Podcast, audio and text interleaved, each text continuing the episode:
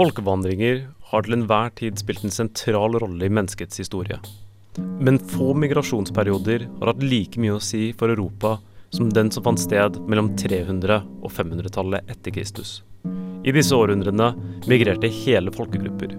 Frankere, vandaler, vestgotere, østgotere og alemannere, bare for å nevne noen få. Folk som lenge hadde levd i ytterkanten, presset seg plutselig inn i hva som hadde vært Romerrikets kjerneområder, og bosatt seg der. Folkevandringstiden markerte et kulturelt og demografisk skifte i Europa som fortsatt påvirker oss i dag. Men hva var årsakene til at en så stor migrasjon fant sted? I denne episoden av Fortiden demrer skal vi diskutere folkevandringstiden. Hvem som migrerte, hvilke faktorer som forårsaket det, og hvordan det var et tegn på Vest-Romerrikets endelige fall. Dere hører på Fortiden demrer her på Studentradioen i Bergen. Jeg heter Olav Widsvang, og med meg i studio har jeg Øyvind Skartveit. For så vidt veldig hyggelig å være tilbake i studio. Har vært en stund siden sist. Det har det. Ja, I den forrige episoden vår som ble lagt ut i mars, før uh, pestesakene startet, så diskuterte vi Konstantin og reformene som skjedde i Romerriket på den første halvdelen av det første årtusenet før Kristus. I denne episoden her så har vi tenkt å diskutere folkevandringstiden, perioden som er så Det er litt vanskelig å påpeke når den starter og når den slutter, men i korte trekk så er det i midten av det første årtusenet før Kristus, mer eller mindre. Nei, eller etter Kristus, mer eller mindre. Altså igjen, det er jo Det er jo folkevandringer både før og etter hov, det som man gjerne har kategorisert som hovedperioden i denne tida.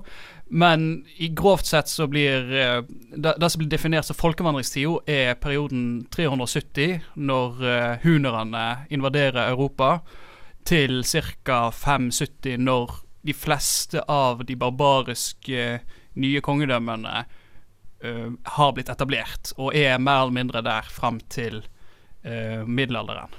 Og vi vurderte å diskutere Unnskyld, høgmiddelalderen. Ja. Uh, altså, vi, vi, vurderte i denne episoden å ta en litt bredere diskusjon hva var årsaken til Romerrikets fall, og vi føler at det er si, uh, pløyd mark, for å si det mildt. Men altså, folkevandringstiden er et særdeles interessant periode, fordi at på den ene siden, vi vet veldig lite om den. Altså Dette her er en periode hvor skriftlige kilder i store deler av Europa forsvinner. Det er en periode hvor det er mye endring. Levestandarden blir mye dårligere for veldig mange.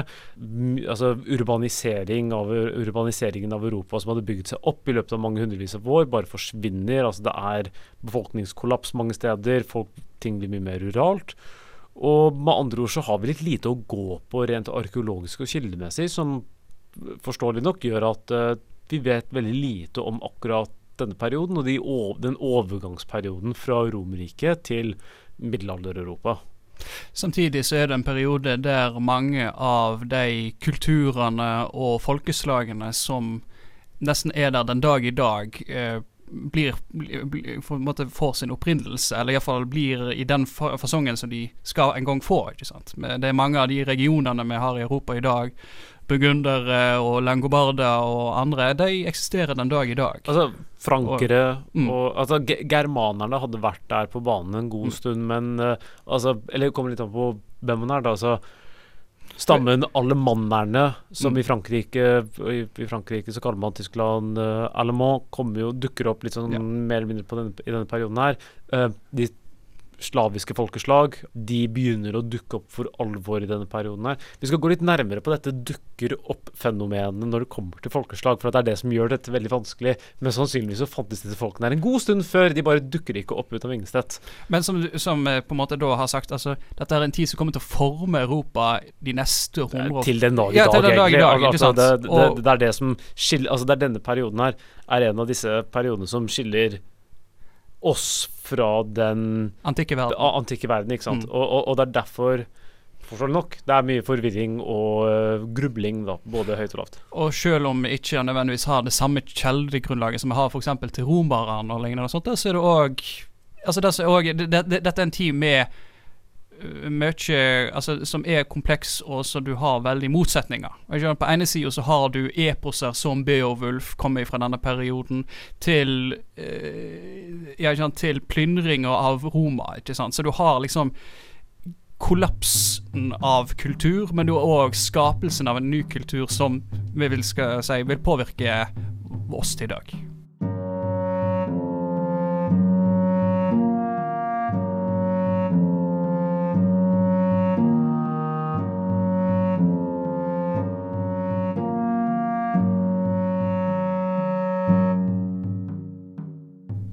Før vi går videre på selve folkevandringstiden, så føler vi at det er kanskje greit å bare gjøre rede for hva en folkevandring er. De kan jo forveksles litt med migrasjoner og diasporaer og emigrasjoner osv. Eh, hvis vi skal si det på en så kort mulig som uh, mulig måte mulig, hvis, vi, hvis vi skal si det så kort som mulig, Øyvind, hva er en folkevandring, og hva er det på en måte som skiller det fra andre migrasjoner?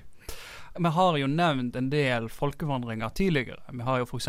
tatt for oss indoeuropeerne, som spredde seg iallfall sin kultur uh, utover omtrent hele vestre Eurasia. Uh, det som er veldig preger denne perioden, er at det skjer massive folkevandringer. Og folkevandringer kan du argumentere for har skjedd til enhver tid. Uh, men, men, det er liksom at, at dette her er en periode der det er voldsomt mye. Og det er, ikke, det er ikke bare den enkle migrasjonen, altså sånn at det er et, en folkegruppe som i mer eller mindre flytter på seg.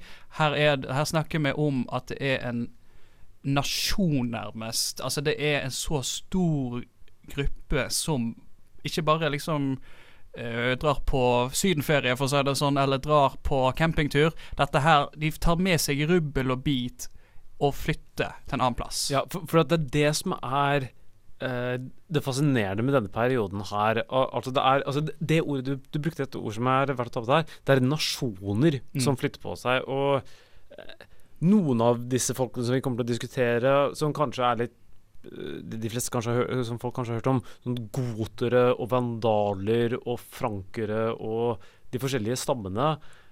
det er varierende størrelse på det, men veldig mange av dem er Altså, det er snakk om titusener av folk som bare beveger seg sørover eller altså, altså mot Romerriket, da, eh, for det meste.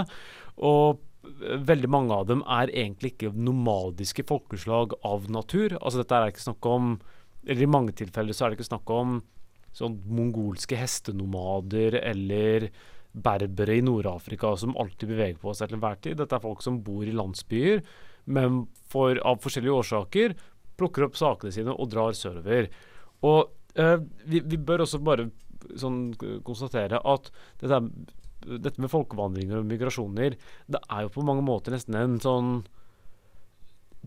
bare del av arten vår. Det, det, det er på en måte mer som det, det, er mer nesten et uh, naturlig fenomen enn et økonomisk eller et politisk Hva skal jeg si uh, episode. Si, øh, hvis du forstår hva jeg mener? Ja, altså fordi at øh, om jeg skal være litt slem, så har jo det har jo alltid skjedd. Fra de tidligste jegersankerne bevegde seg langs isen oppe ved vår kyst, til uh, det kom uh, de her uh, bond, anatoliske bondefolkene som kom, tok med seg jordbruket, til vi fikk indoeuropeerne som tok med seg en mye av det som skulle bli vårt språk, så har det jo det har vært, det, altså, til, altså til og med Norge, som vi gjerne tenker på at Norge har ikke forandret seg så mye. Sant? består Nå har vi på en måte fortalt i de, de sesongene som har vært nå, en historie om hvordan mange av de her folkeslagene har kommet til bare i Norge. ikke sant? Og så må vi tenke at på verdensskala så er dette her eh, Dette er ikke uvanlig. Ja, og når det kommer til migrasjoner og folkevandringer, at det kan virke at noe er av en mindre, ha, ha, mindre effekt enn andre. Men jeg tror de fleste her kommer, uh, som hører dette her, husker f.eks. flyktningkrisen i 2015. I folkevandringstiden som vi snakker om nå, er i, i stor grad, eller i noen tilfeller, da, er en flyktningkrise. Det, det, er vel med ostrogotene i Donau f.eks., altså de som blir dyttet av uh, hunderne. Mm. Der er det snakk om en ren flyktningkrise hvor tusenvis av mennesker bare blir dyttet inn i Romerike fordi at det er noen ganske utrivelige typer på den andre siden. Eh, men, mens andre er vel litt mer som vikinger som bare drar sørover for å finne bedre land. Andre er av blir dyttet sørover av klimatologiske årsaker. Så det er jo mange Altså det er hele, et sånt helt Hele spekteret av hvorfor folk flytter på seg, kan man finne i denne perioden i Europa. Uh, og det er desto større grunn til at det er så fascinerende at det skjer samtidig med så mange forskjellige folk. Og så skal, Vi skal jo komme tilbake til det, men det er òg interessant at for oss tenker vi gjerne ja det er ett folkeslag, men det er en ting som òg er veldig interessant, det er liksom at uh, de her folkeslagene splittes opp òg. Jeg tror mest interessant er jo f.eks. Alan-folkeslaget, ikke sant, som er et sånt indo-iransk folkeslag som ender opp En del havner opp i Frankrike én del av folkegruppa ender opp i Nord-Afrika, og én gruppe, eh, gruppe, handler opp i Kaukasus. Så det er liksom sånn eh, Vi må være litt forsiktige med å bruke nasjon i denne grunn at det er ikke nødvendigvis de er samla, men det er en periode der det er så mye folkevandring, og det er og denne form, som vi har allerede sagt, vil forme Europa fremover.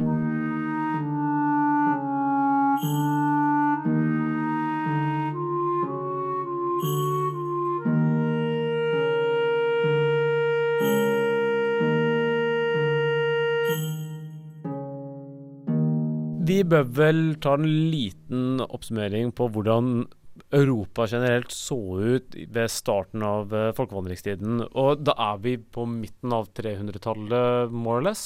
Mm, det stemmer. Og det er jo ingen tvil om at de, den viktigste spilleren på det europeiske kartet er fortsatt uten tvil Romerriket. Selv om og, og, på mange måter så Rom, har Romerriket det bedre enn på midten av 300-tallet enn det hadde det litt Eller i hvert fall på, For at det har gått gjennom bølger. ikke sant? The second century crisis på 100-tallet, da var det ganske labert, men så blir det litt bedre på 200-tallet. Men på 300-tallet så har det kanskje begynt å ruste litt igjen, da. Ja, det er jo eh, det berøm, de berømte sitatet til Casio Dio om det romerske riket i denne perioden. At det var en periode av jern og rust. Altså det var en periode der den med sverdet bestemte, men òg da sverdet begynte å ruste. Um, og Det som vi på en måte må forklare litt i denne perioden, er at uh, Som jeg har nevnt, så hadde jo egentlig Romerriket, i alle fall den romerske keiseren, plutselig fått en enormt god økonomi uh, via handelen f.eks. med India og lignende, og sånt, som ga utrolig mye mer eh, penger til statskassen enn det som hadde vært tradisjonelt. Men til og med da går over tid uh, for dårlig, når du får en rekke med kriger, borgerkriger, svelt og pest. Og så når vi kommer så, Altså, den her kriseperioden på 200-tallet er veldig ødeleggende. Omtrent den eneste På 200-tallet, til Second Century, eller Jo, jo. Øh, ja, ja, altså frem, altså frem mot 200-tallet. Altså, den, den, er, den, er, veldig ødeleggende for det romerske samfunn og den romerske økonomien. Altså, folketallet begynte å gå ned. øh, og man hadde òg en øh, Altså Mye av den økono økonomiske grunnlaget for å forsvare riket var på nedover. En løsning som hadde dukka opp, kom i forhold til, kom i forhold til diverse barbariske folkeslag nord for, uh, nord for riket. Tradisjonelt så hadde man jo f.eks pressa, pressa riker til å betale tributt til romerne og sånt. Der. Men på dette tidspunktet så har Roma blitt så stort og sliter så økonomisk at de må, for å bare hindre at de, at de blir et gyllent mål for disse, så prøver de å inkorporere dem delvis inn i det romerske samfunnet og hæren. Og det er litt Og det lykkes delvis. Du har eksempler der det der eh, altså På denne tidspunktet sant, så begynner det å gå et par år siden vi har hatt en italiensk-romersk keiser. Du begynner å, begynner å få keisere som er gjerne balkanske uh, hærførere, eller andre, som har Altså, Romerriket holder på å bli mye mer desentralisert. Det er ikke lenger Roma som er sentrum. Ja, og, og det, det, er jo det som er det viktige, og her, her ser man på mange måter den middelalderen begynner å dukke opp i horisonten. For at det er en av de store skillene mellom antikken og middelalderen er jo dette med at det er mye mer desentralisert, og at det er mindre urbant. Man ser jo den fraflytningen fra byen. Eh, litt fordi at ikke romerne greier å brødfø seg selv i like stor grad som de greide, og, og, at man får disse store tomtene, eller i større grad disse store tomtene da, hvor uh, herskapsfolk lever, ikke sant, så blir jo mer uh, hva skal jeg si, uh, slåttkulturen da begynner så vidt å boble opp. Men, men, så man, med andre ord, man kan jo si at det er da to store maktdynamikker i Europa, da, som er da dette rustne imperiet, som på 300-tallet da har holdt på i mange hundrevis av år. Uh, og da disse forskjellige stammene som spiser og blir spist av hverandre i uh, større eller mindre grad. Vi har jo nevnt Og så klart Iran i øst, da, med, ja, ja. som er verdt å påpeke, da, som gjør at spesielt Øst-Romerriket sliter. Mm. Mer om det senere neste uke. Men verdt å ha i bakhodet at Romerriket har eh, sliter på østfronten på det tidspunktet. Ikke sant. Altså, vi har jo Altså, det har jo vært folkevandringer tidligere. Vi nevnte kelterne i, i vår sending om kelterne eh, romere, altså både Marius og Julius Cæsar slåss de mot diverse germanske folkestammer. Eh, og vi har nevnt eh, Marcus Aurelius og slåss imot mot markomanierne. Og det er en ting som er veldig viktig å forstå i denne perioden. En, en veldig klar endring er at uh, kelterne har mer eller mindre blitt pressa ut eller undertrykt av på ene sida et Roma som hadde ekspandert nordover, og germanerne som hadde pressa sørover. ikke sant? Altså med Germanerne fra mer eller mindre Skandinavia og Nord-Tyskland, som nå ekspanderte sørover i det som i moderne Tyskland, og til og med langt ned mot uh, Svartehavet. Ja. Og det her, og, og det som òg vi ser, det er at en endring i kultur. Som det sagt, Roma har holdt på å kollapse, og germanerne går ifra å være relativt små, uavhengige stammer som er veldig separerte fra hverandre, til å bli mye mer Altså til å slåss mye mer i lag. Og få å bli større klaner som vil få en stor påvirkning senere.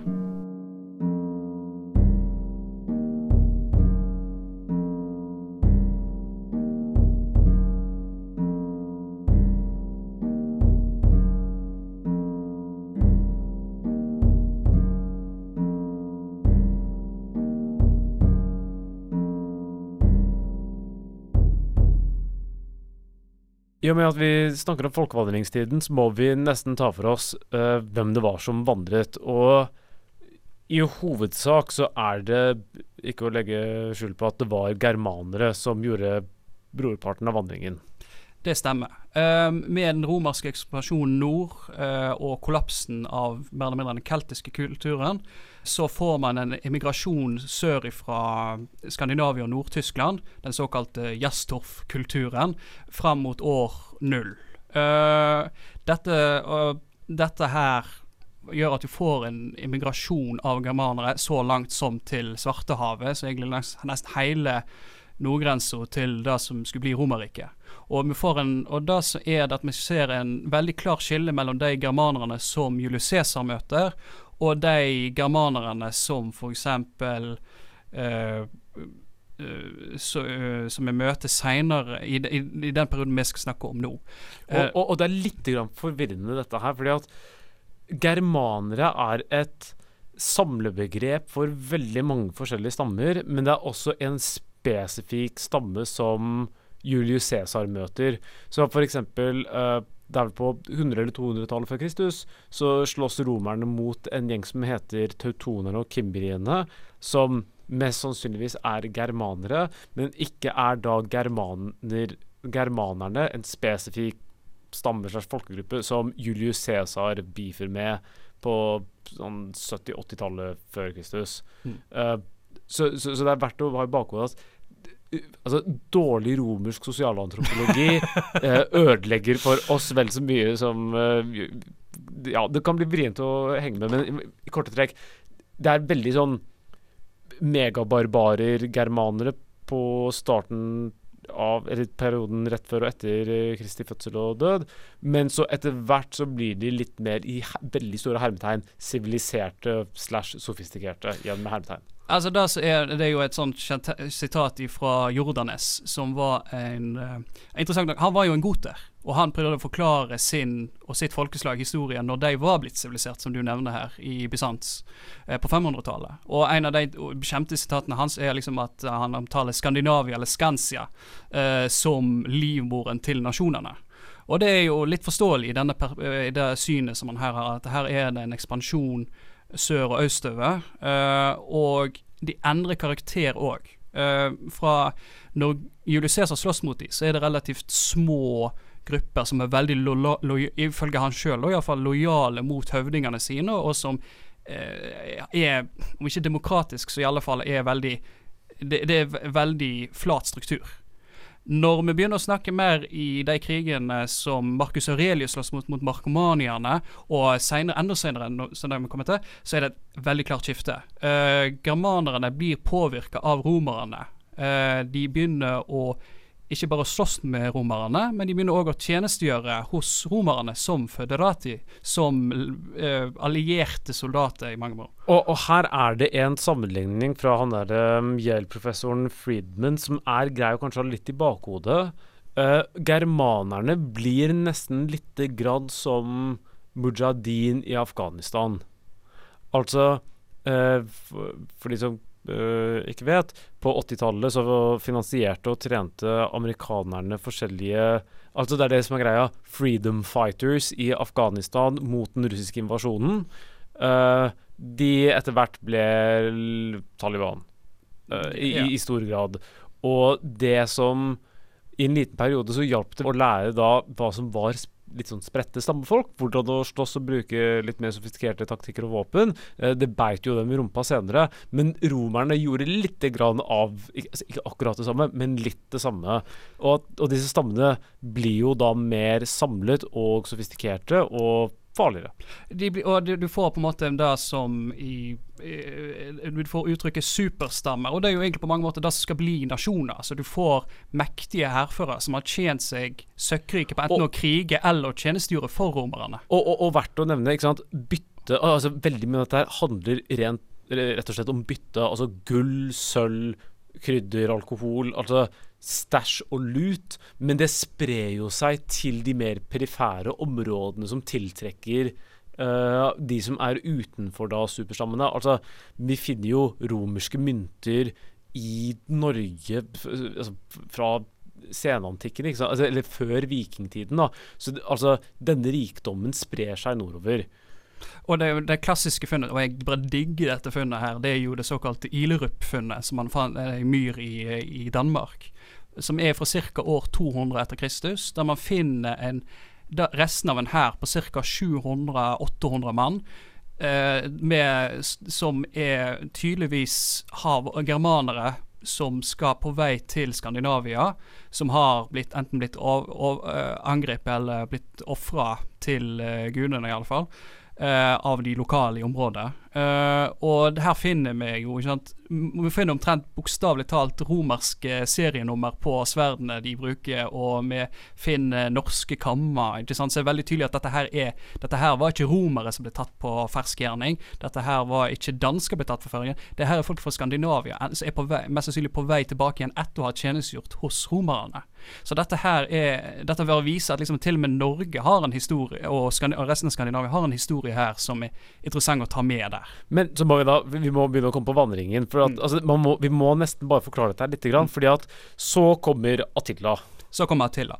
Og Attila er leiren Eller, eller teknisk sett, eh, Attila kommer litt seint ut i dette her. fordi at uh, det som først kommer, er hunerne. Ja. Og hunerne var et folkeslag som man antar kanskje kom ifra, das, ifra helt ifra de nord for Kina, faktisk. Altså det såkalte Xiangnu-folket, som uh, var til hers for uh, mange haner, kinesere, i lang tid. Men altså var sånn mongolsk steppefolk uh, Altså Djengis ja. Altså sånn proto-steppefolk. Men, men, så ble de knust, Xiangnu-folk, uh, og drevet vestover. Og det som er mest sannsynlig har skjedd, er at på veien vestover så har de underlagt seg folk, underlagt seg folk, underlagt seg folk. Og slik at å kalle Xiangnu-folket for hunere er litt som å kalle det hellige romerske riket, eller hellag-tyske rik, romerske riket for romere. Det er sånn, det er en titt jeg tror det er mer en kultur, en tittel, mer enn nødvendigvis rent genetisk. Men, men altså, sånn, steppefolk får en sånn mm. snøballeffekt. Mm. At hvis de ikke blir stoppet, så tar de med seg flere og flere mm. flere folk. Og du kan se for deg, hvis man er da fra øst i Asia, og det bare baller på seg mer og mer folk, og man ender opp i det som er Donau-deltaen til Svartehavet. Uh, de germanerne som bodde Eller ostrogotene, som bodde der, uh, ender opp med å slite litt. Ja, de havner jo plutselig Altså, de har Goterne hadde jo gjort mange ganger gjort forsøk på å invadere Romerriket. Men det er først når hunerne kommer at de virkelig blir pressa ut av dette her området.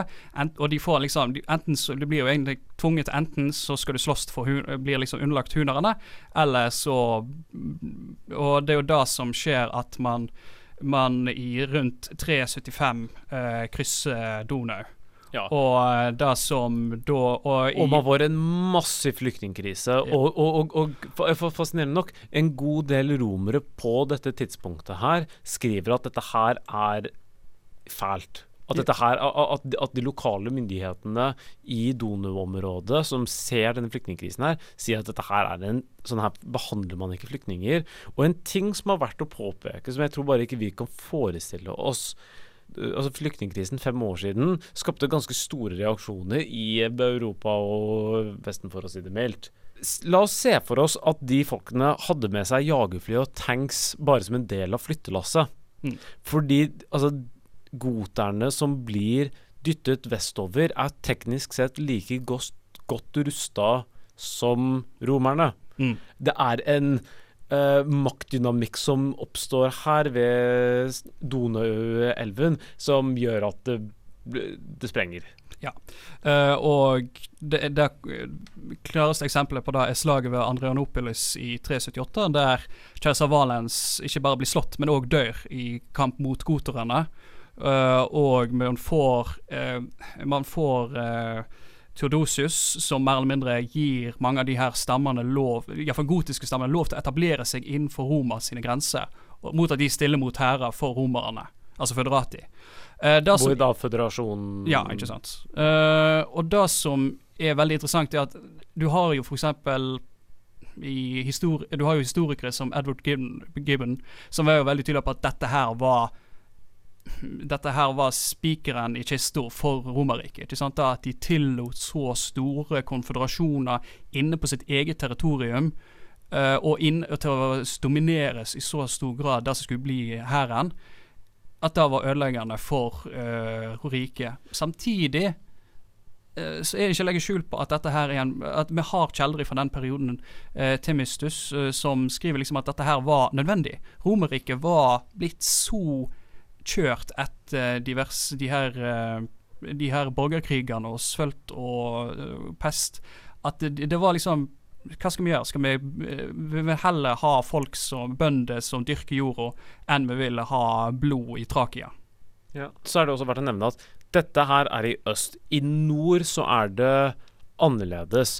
Fordi at i den nordlige delen av Altså, altså det, det, som også skjer, er jo at du får um, en stor migrasjon fra Skandinavia, mer eller mindre, og fra Nord-Tyskland, som ender opp i Storbritannia, som begynner å dytte seg nedover. Og det er ikke en flyktningkrise. ikke sant? Det er bare selv om vi vet ikke hvor mange det er snakk om her. Det er det som er litt mm. vrient med denne folkevandringsperioden. I noen tilfeller så er det bare, ser det ut som at det er bare armeer med mannfolk som bare drar sørover mer maskulint enn det man ser i vikingtiden, tro det eller ei.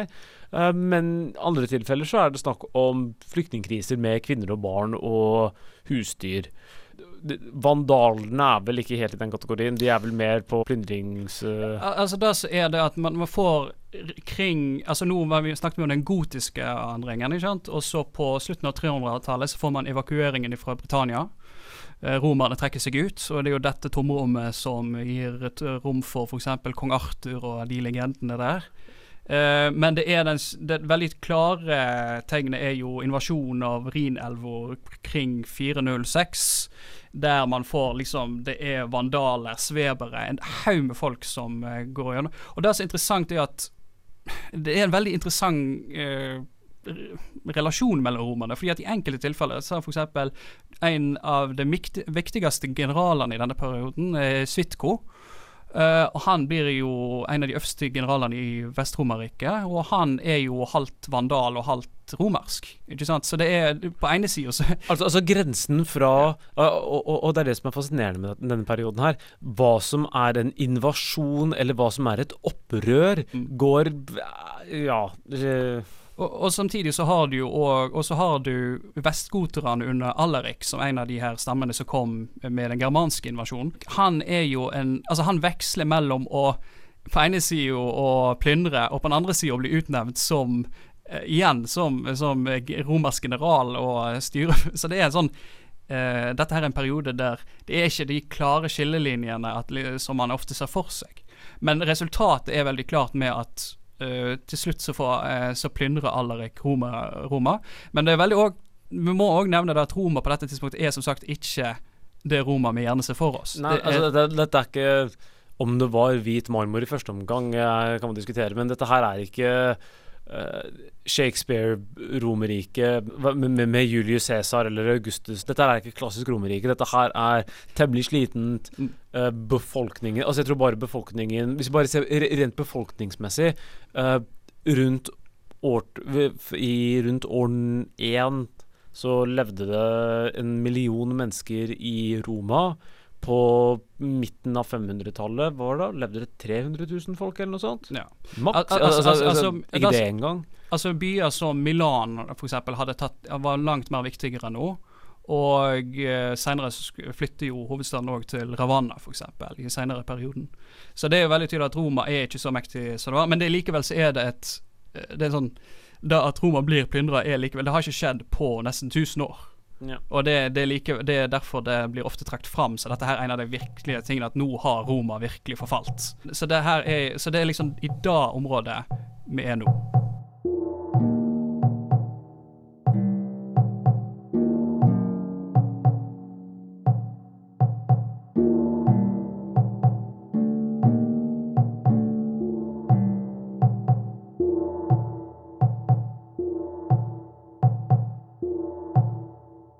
Nå har vi tatt veldig kort for oss visse aspekter av folkevandringstiden. Mm. Og jeg tror det viktigste å bare få konstatert helt på det redende, er at på 300-400-500-tallet så bare flytter veldig mange folk på seg i Europa i større eller mindre grad. Og nye folk bosetter seg forskjellige steder. Uh, og hva er egentlig de umiddelbare effektene av dette her? Altså Umiddelbart så blir jo på en måte Europa nesten litt delt i tre. Fordi at det blir en rivalisering mellom Vest- og, Roma, og Øst-Romerriket. Og de bruker de her germanske stammene litt sånn mot Altså både mot hverandre, men òg som blir også Germanerne som bruker de òg. Som jeg har nevnt, så blir jo f.eks. visigotene, da. De ble jo brukt både av Øst-Romerriket og Vest-Romerriket tidvis, og plyndra av de, og de ble plyndra av de. Uh, men du får òg hunerne, som etablerte seg som et sånt uh, rike nord for Romer, de, de, to romerrikene, som òg på en måte har lagt her, mange av de her germanerne under seg som vasaller. Uh, så det er jo en sånn slags Jeg vil ikke kalle det kald krig, men det er, sånn, det er mye sånn proksikriger mellom de her tre grupper, gruppene. Og germanerne spiller eh, viktig rolle. Og, og, og, i løpet av denne perioden så forflytter de her germanerne seg rundt om i de her tre rikene. Og så er det ingen tvil om at det er en viss At, at Romerriket kollapser i hvor stor grad, det, det varierer uh, veldig på, fra person til person hva de syns, uh, for å si det mildt. Men det er jo tydelig at den folkevandringen som skjer nå, hadde ikke funnet sted hvis Romerriket hadde vært veldig sterkt. For en av de hva skal jeg si uh, Kjennetegnene ved Romerriket var at de holdt barbarene ute.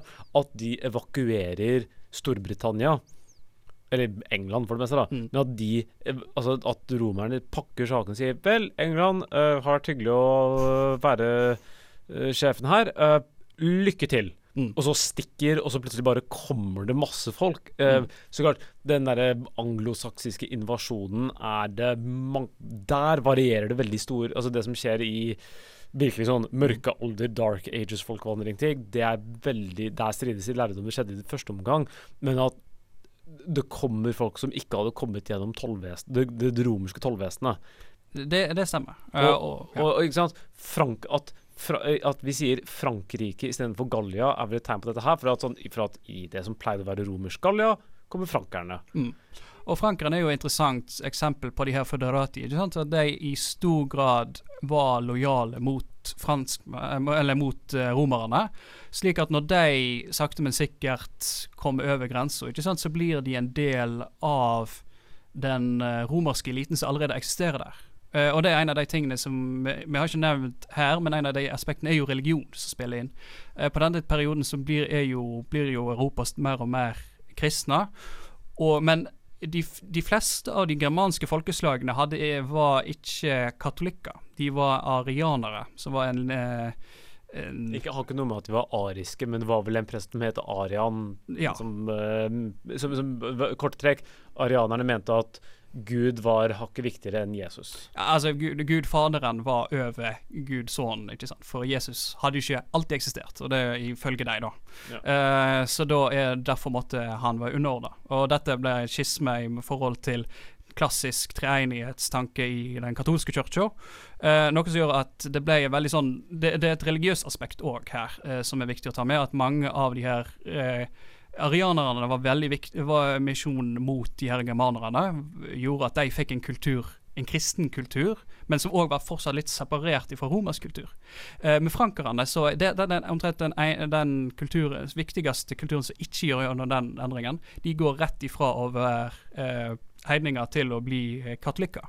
Og det, noe, og det spiller en rolle på hvorfor eh, frankerne i stør, mye større grad klarte å på en måte uh, bli en del av denne her romerske eliten, som sagt. Som allerede, galler-romerske eliten som allerede eksisterte.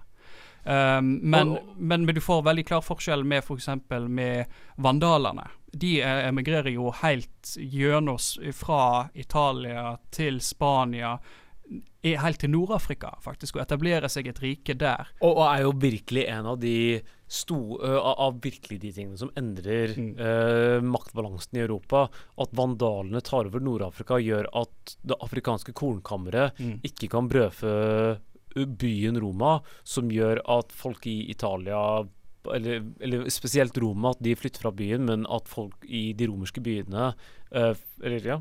At, de fly, at, at folk, det er fraflytting fra byene, og det er vandalene litt av årsaken, en del av årsaken. Ja, altså de, de får den andre plyndringa på midten av 400-tallet, og den er av fra vandalene fra Nord-Afrika. Og den er jo eh, Og det er jo den som på mange Altså Det er en grunn til at vi i, dag bruker vandal som et skjellsord, ikke sant, for eh, eh, og den var mye mer eh, brutal enn den tidligere av uh, visigoterne. ikke sant? Og visigoterne de har jo òg flytta på seg. ikke sant? De, fra, Ital fra Balkan til Italia, der de plyndrer Roma, og ender opp i Spania. Og er på mange måter grunnlaget for uh, mye av det som skulle bli, bli Spania på, på sikt. ikke sant? Iallfall de kristne eh, på sikt de kristne kongedømmene i Nord-Spania. Men, men, men, men det er én interessant no, no, Noe litt interessant kulturelt her. Mm. Og det er uh, det, I hvor stor grad uh, de Altså vandrerne tar opp den lokale kulturen. Mm. For det som skjer til en viss grad, er at det romerske forsvinner altså, altså forsvinner mer eller mindre. Altså, nå, nå er jeg ingen ekspert på dette her, det er virkelig en av disse tingene det blir forsket mye på. Uh, det er et opprør mot uh, longobardene. uh, som skjer på 500-tallet i nord... Det er et eller annet opprør mot en sånn germansk stamme i Nord-Italia, hvor det som er igjen av det romerske aristokratiet, prøver å kaste, prøver å kaste ut uh, germanerne.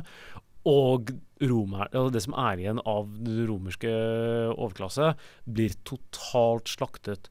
Og det er påfallende at det finnes ikke en eneste person i Europa som kan spore familien sin tilbake til det romerske aristokratiet.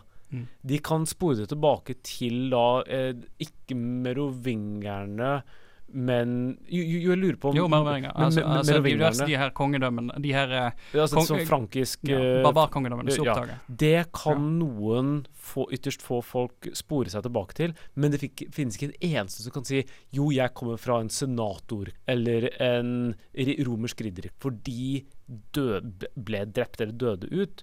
Uh, og så de germanerne, eller de de stammene som har tatt over, da, de er i en sånn skumringssone da, med at de tar opp litt av kulturen, men de tar med seg mye av sin egen sånn krigerkultur. Ja. Uh, hvis vi skal bare fortsette videre på liksom de viktigste stammene her. Altså, vi har nevnt vandalene. Uh, Visigoterne. Anglosakserne har vi nevnt. Jeg, Det er de som tar over i England. i England og Ja. Og så har vi eh, Frankerne. frankerne. eh, Alemannerne. eh, Eller, eller germanerne. Ja, ja.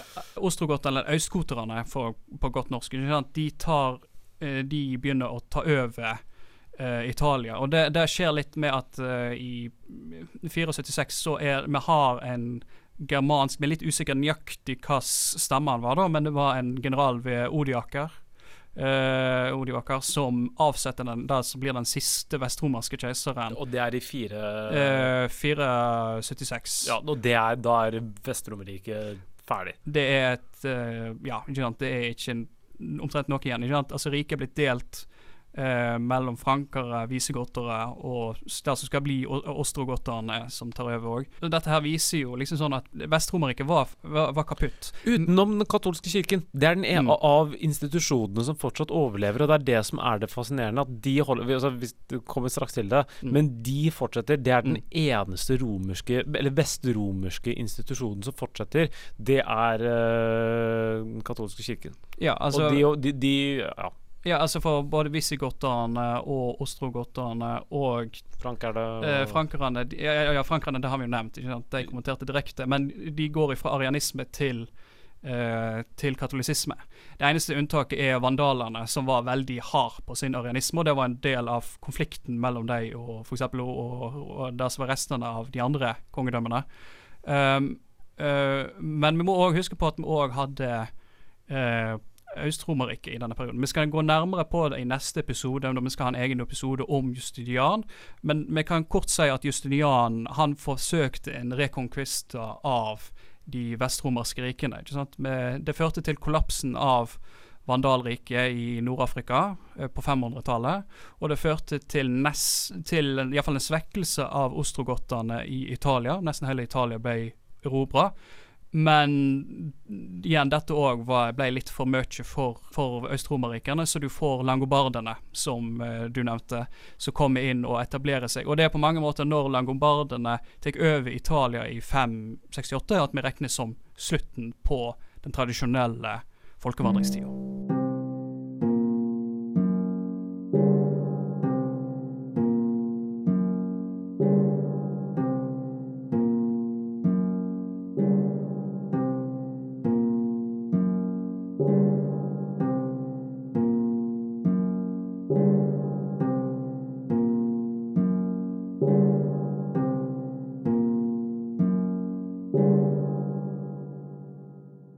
Vi har nå tatt for oss en del av de hva skal vi si, eh, umiddelbare effektene av folkevandringene.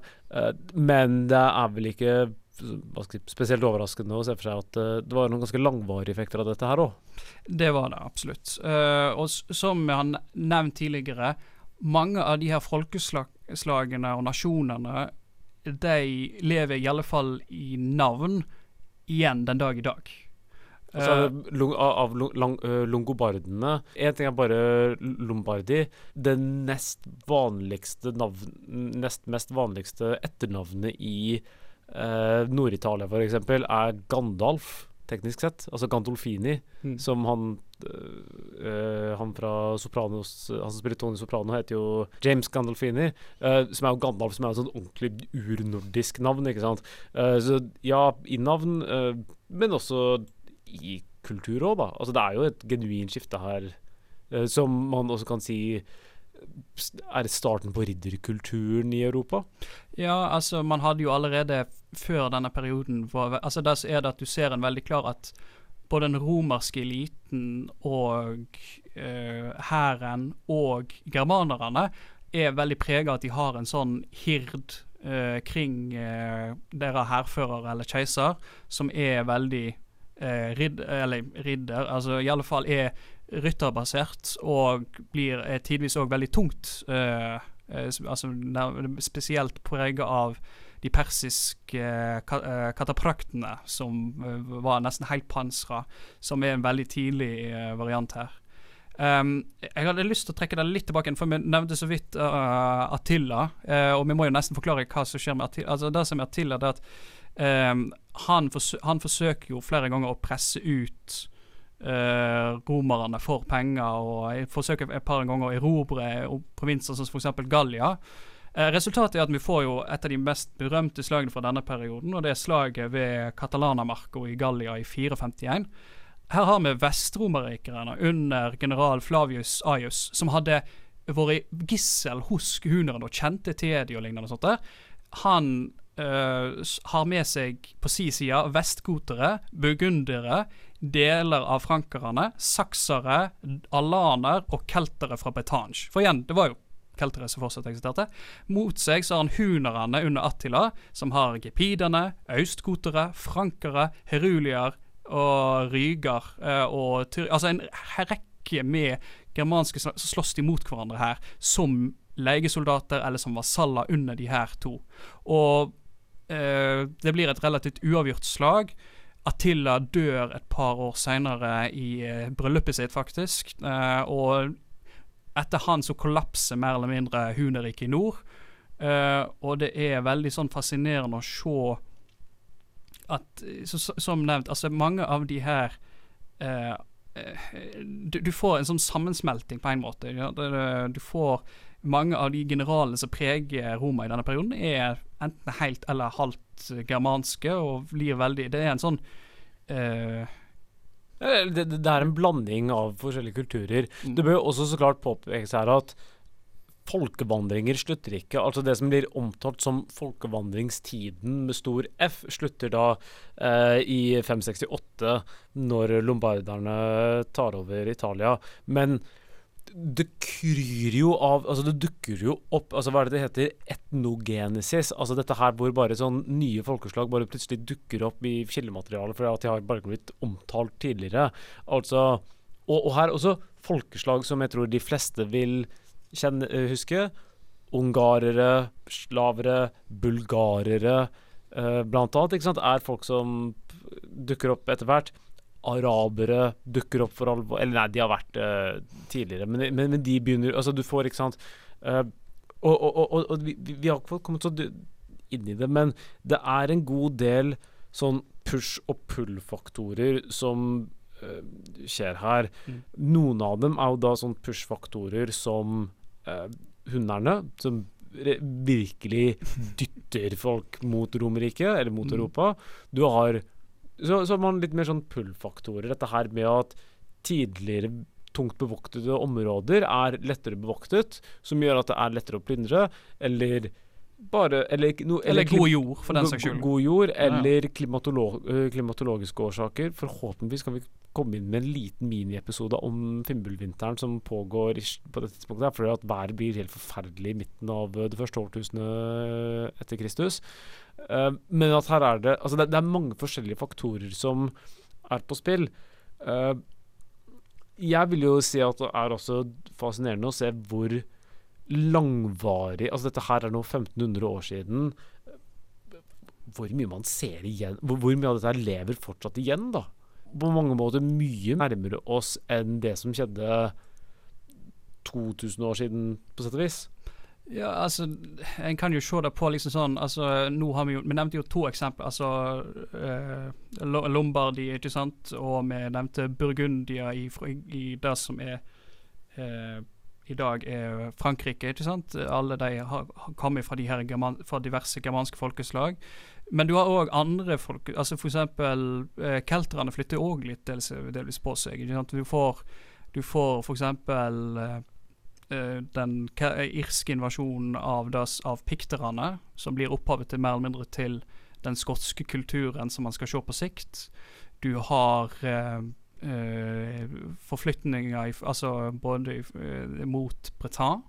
eh, Som eh, betyr jo Altså, Brita, kommer jo fra briter, ikke sant? Ikke sant? Så at det var keltiske briter som flytta seg der, eh, til denne delen av Nord-Frankrike. Eh, så du har jo et Det er jo et samspill på denne tida. Uh, og jeg syns det òg er veldig fascinerende Vi har jo nevnt, så vidt nevnt anglosakserne, ikke sant? der du får, du får en rekke små kongedømmer som ja, Noen er an, uh, anglere fra fra nord, og, og jyder og, og eh, saksere fra Nord-Tyskland, Danmark eh, og litt Nederland, som på en måte forflytter seg over til eh, Storbritannia, som sagt. Og det er så interessant at likevel så finner man en veldig sånn Selv om det er- gjerne blir en sånn mørk mellomalder i denne perioden, så er det interessant at man likevel finner bånd til på tvers av dette. Og jeg, jeg nevnte litt Beowulf i starten, og jeg vil trekke litt av og Et annet eksempel er S- Sutton Boo. Uh, dette her er kjent eh, eh, graven der, men spesielt den her hjelmen med ansiktsmaske som han, det er en anglosaksisk konge, da, eh, som man finner. Og den eh, kong Redvald av Øst-Anglia, eh, mest sannsynlig, da. Og det er så interessant at man finner veldig klare tegn til at det var en tilknytning til Skandinavia. Uh, spesielt til den såkalte Wendelkulturen i, i Sverige. Vi nevnte dette her med overgangen fra høvding til småkongedømme og overgangen fra keiserdømme til, til kongedømme. Og det er veldig pregende av denne tida. i, I Sverige så finner du eh, at kontrollen over jern f.eks. og handel og med eh, gjør at du får en på en måte sånn der, og da at stigbøylen blir innført, gjør at du får en sånn der rytterhyrd som er med veldig rikt utruska utstyr. Vi finner omtrent ingenting av uh, rustninger og sånt fra vikingtida, men vi har en god del ting fra denne vandaltida, og det er fantastiske Ja, det er, Hjelma. altså, det, altså, noe av, av de arkeologiske funnene man finner fra den perioden her, er på den ene siden veldig fascinerende fordi at man ser den nære Altså, håndverket er så godt, uh, men på den andre siden så er det også Og det er da eh, den blandingen av antikk og middelalder, den derre overgangsfasen, er eh, ekstremt fascinerende. Og, og, og, og også en annen ting som også er også påfallende med hele denne perioden her, er eh, altså, ok, nå- nå- det, det er vrient å si, da, men migrasjonsperioder er fascinerende. Mm. Og de stopper, altså som vi sa, ikke sant altså, Folkevandringer stoppet ikke i, med lombardenes kapring av Italia. Altså vikingtiden og bulgarere og slavere og romfolket kommer til Europa. Det skjer veldig mye forskjellig, men det er i hvert fall verdt å påpeke at uh, dette her er en episode som man kan finne igjen lignende eksempler på i Europa, da, bare at det kanskje har hatt litt større konsekvenser enn andre. Absolutt. Kunne, for jeg ville bare gjøre ferdig der med 17 hu og Men jeg vet ikke om det, det kan klippes til. Jeg må nesten komme av gårde. Oh, ja, ja. Uh, uh, altså det med 17 hu, fin, man finner veldig klare ting tegn tilbake igjen til Skandinavia. Og vi finner det òg i f.eks. i Beowulf, som er satt til skandinaviske dynasti, uh, som blir nevnt, og er satt til Danmark og Sverige. Eh, et annet ting er jo Norge. Der finner man, man finner jo faktisk den dag i dag så er det jo mange som vil hevde at mange av de områdene i Norge som har sitt navn ifra diverse germanske stammer. Altså Haruder i Hordaland, eh, Ryger i Rogaland, eh, eh, Tal, eh, Teli i Telemark og Augandri i Agder, f.eks. Så det er eksempler så at til og med i Norge, så gjerne det kanskje ikke var liksom bare de som ble att, så er det fortsatt dette er en periode som har levd igjen, eh, og som etterlater seg spor. Veldig gøy. Det er godt å være tilbake i radioen. Eh, det var alt vi hadde for i dag, for så vidt. Tusen takk, Øyvind Skartveit, for at eh, du ble med i studio, og produsenten vår, Magnus Nordahl Røtnes. Dere har hørt på Fortiden demrer her på Studentradioen i Bergen. Jeg heter Olav Witzang, og jeg håper dere blir med oss neste uke også. Takk for oss.